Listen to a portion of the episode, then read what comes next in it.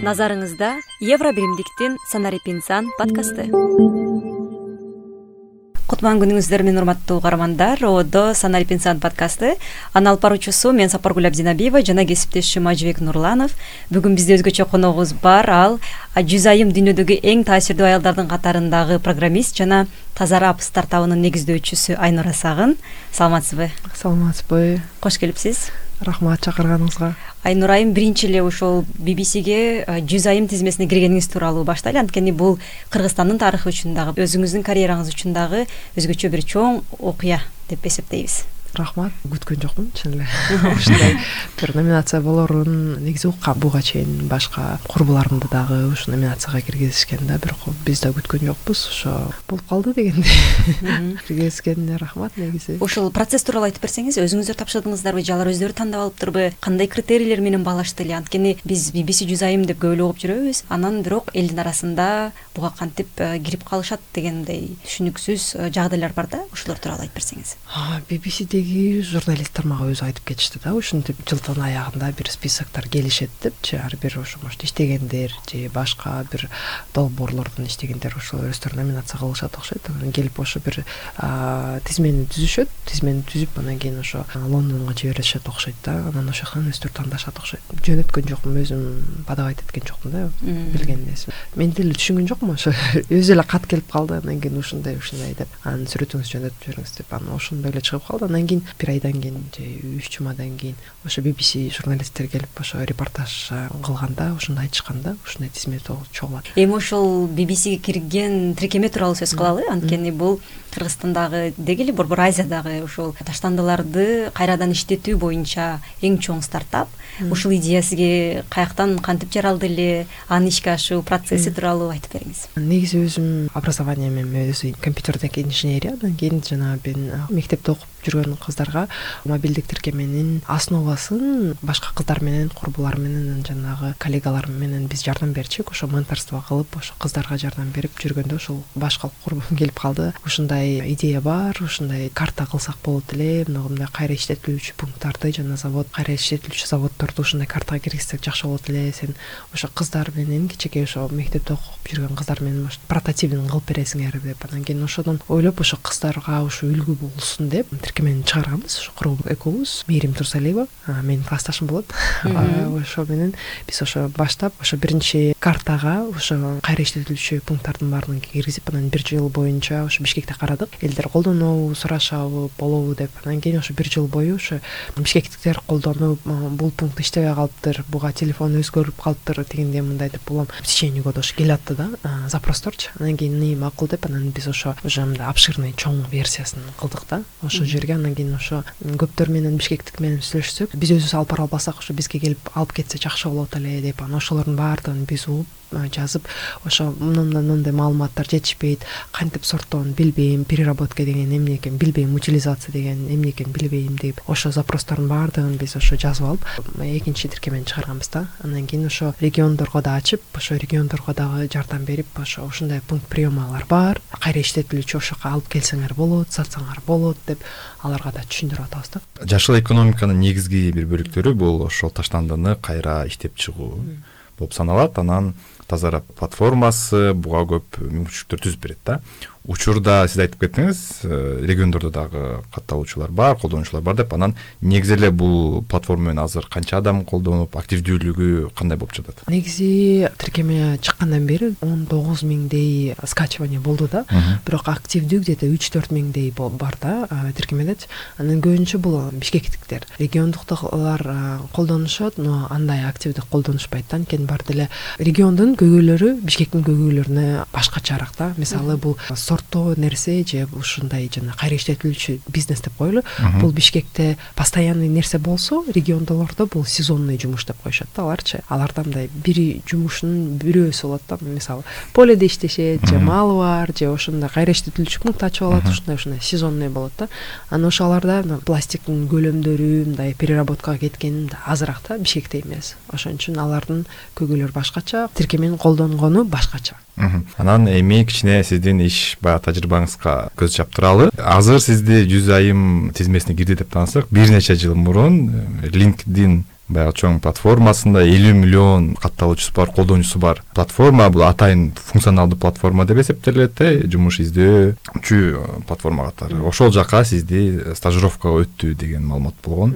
Стажировкага кантип өтүп калдыңыз? Кандай өттүңүз? Ошол процесс жөнүндө айтып берсеңиз.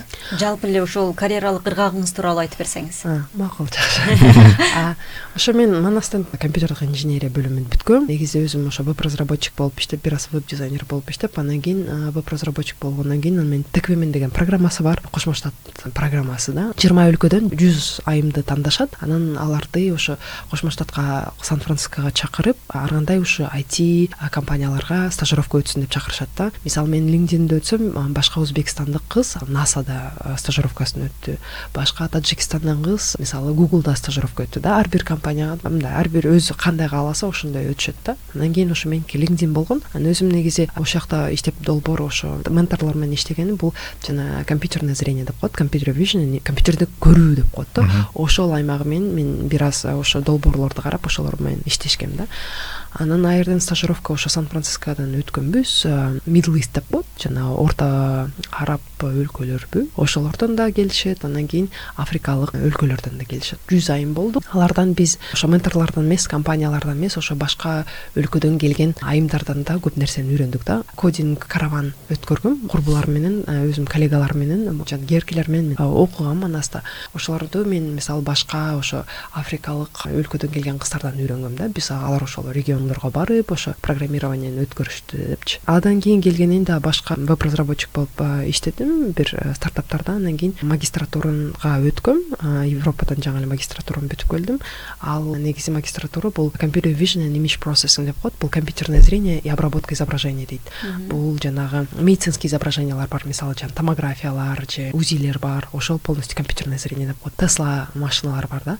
Autonomous vehicle деп коет жанагы. Водительсиз айдайт да алардын машинанын сенсорлору бар да. Мисалы пешеходдор бар же терек турат же машина келатат жол депчи ошолордун баардыгы ошо келгени ошо сенсорлор менен через алгоритмы ошо компьютерное зрение деп коет да ошону өткөм анан ага да жана мисалы surveillance деп коет жана метродо же аэропортто камералар турат cctvлерчи кимдер мисалы жанагы чемодандарын калтырып кетип калат же ушундай ошолордун баардыгын трекинг кылышат да ошону окуп келгем. Негизи ошонун баардыгы ушу бул компьютерное зренияга кирет мисалы жана фейсбукта алгоритм бар го face recognition деп коет. Бетти таануунучу мисалы сиз курбуларыңыз менен же досторуңуз менен сүрөтүңүздү киргизесиз бул адилетти тег кылып кой же бул нур султанды тег кылып кой деп досторуңузду көрүп таанып алат да. Ошол полностью face recognition деп коет ошол то же самое это компьютерное зренияга кирет. Ошону окуп келдим анан азыр башка бир стартапта операциондук директор болуп иштеп атам.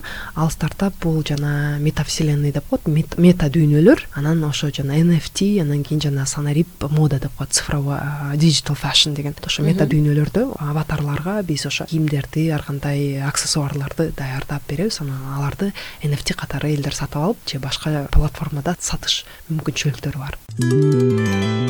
Назарыңызда евро биримдиктин санарип инсан подкасты бул кыргызстан үчүн абдан мындай жаңы термин жаңы түшүнүк болуп жатат.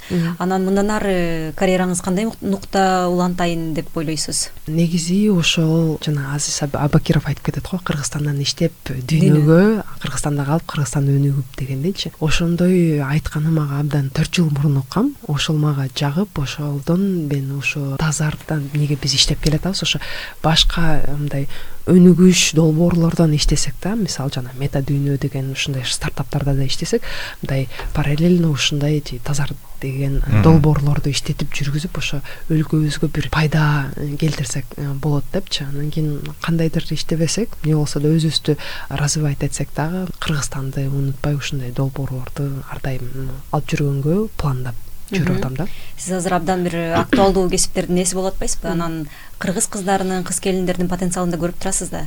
Ошолорду туура багытка буруу үчүн аларды колдоо үчүн маалыматтык технологияга окуу үчүн кандай сунуштарды бересиз?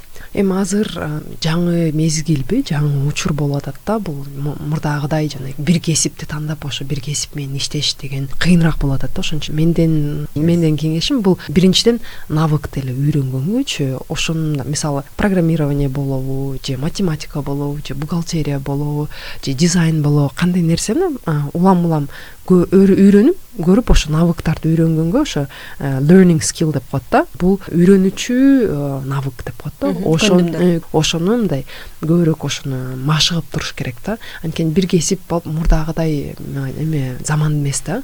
Бир кесип алып ошону менен жыйырма жыл отуз жыл иштей албайсың да. Анткени азыр технологиялар ушундай айти тармагы абдан өнүгүп атат. Мисалы мен окуп келген нерселерди он жыл мурун окуп келген нерселер азыр уже аутдейтед деп коет да. Уже эскирип абдан эскирип калды да. Ошон үчүн биз деле улам улам улам үйрөнүп атабыз. Анан негизи бул азыр цифровой экономикада жалаң гана ошо программирование эмес. Мисалы биздин жана жумушубузда деле могу жана мета дүйнөлөр менен ошо жумушта бизде жанагы три д дизайнерлер бар да. Три д дизайнерлер аларды табыш программисттерден кыйын. Алардын зарплатасы программисттерден да өйдө. Анан ошо три д дизайнерлерде аларда ушундай толтура программаларды билиш керек да. Ал алардын программалары абдан кыйын болот экен да. Ошо ошондой баардыгын билип бүтүн ошо өздөштүргөнгөчү. Ошо мисалы ошо биз жана архитекторлор менен иштейбиз анткени ал мета дүйнөлөрдө жалаң гана кийим эмес. Жанагы э, зданияларды ушундайларды курушат да ар кандай студияларды курушат ошондойлорго архитекторлор керек экен. Ошолорго бүттүгүнө цифровой ушу навыктар керек экен да санарип навыктарчы. Ошон үчүн бүгүн ошо мисалы бир фотошоп үйрөнсө эртең ошондой три д дизайнды үйрөнсө наркы күнү жанагы три д моделирование менен жанагы три д прототипирование дегендерди үйрөнсө анан программированияны үйрөнүп кетсе мындай бүттүк эле болот. Азыр мындай көп нерсени дип мындай терең. терең үйрөнө албайсың да ошо көп нерсени алып кетиш керек да. Анан уже ошо бир убакыт бир жагы жагып калып мисалы жана биоинженерияга келсе анан кийин уже phd тармагын phdsин алып уже терең кетсе болот да ошондойчу бирок негизи ошо возможностьтор абдан көп. Анан бул негизи цифровой экономика бул атат программирование гана эмес да көп нерселер бар жакшы ойду айттыңыз. Э, биздин долбоордон карап ушул ойду жүргүзүүгө аракет кылабыз. Анан бул оюңуздун бир жээгинде стем тармагы жатат. Стем тармагында сиз кыздарга көп баягы тренингтерди өтүп ушул тармактан абдан салымыңыз бар. Анан бул тармак менен өнүгүү үчүн биздин жарандарыбызга ата энелерге окуучуларга башында кандай бир э, жолдорду өтүп басып өтүшү керек эми бул э, негизи биринчи бул мен жанагындай айткандай мындай улам улам ошо интерес болуп ар кандай нерселер менен интересоваться этип мындай кыла бериш керек да көрө бериш керек мындай кругозорну расширять этип анан экинчиден бул компьютер бар болсо интернет бар болсо жакшы болот эле. Үйдө компьютер болбосо анда мектептен компьютер тапса болот мектепте болбосо шаарда же айылдарда кээ бирки мындай учебный центрлар болот деп коет да. Мисалы жанагы американский уголок деп коет да american corner анан кийин ошо тиги эме региондордо да. китепканалар китепканалар бар да ошолордо да компьютерлери бар китептери бар интернети бар да. Ошолор менен ошондой ар кандай платформаларга кирип ошо эмелерин көрүп кандайдыр бир курстарды өтүп негизи абдан көп болуп атат азыр жана бесплатный акысыз курстар. Ошолорду өтүп анан кийин экинчи бул үчүнчү бул англис тилди үйрөнүп бир аздан үйрөнүп келсе то мындай чексиз возможностьтор ачылат деп ойлойм чоң рахмат маегиңизге анда биз подкастыбызды жыйынтыктайлы убактыңыз үчүн кыздар үчүн жакшы кеңештериңиз үчүн чоң рахмат. Урматтуу угармандар ушуну менен биз подкастыбызды жыйынтыктайбыз. Ободон кайрадан угушканча аман туруңуздар биздин бүгүнкү коногубуз эскертип кетчү нерсе биздин бүгүнкү коногубуз айнура сагын bbcнин жүз айым тизмеси эң таасирдүү жүз айым тизмесине кирген айым. Сиздерге ишиңизге да ийгилик башка дагы дүйнөдөгү жүз айымга киргенге тилектешпиз. Рахмат. Назарыңызда евро биримдиктин санарип инсан подкасты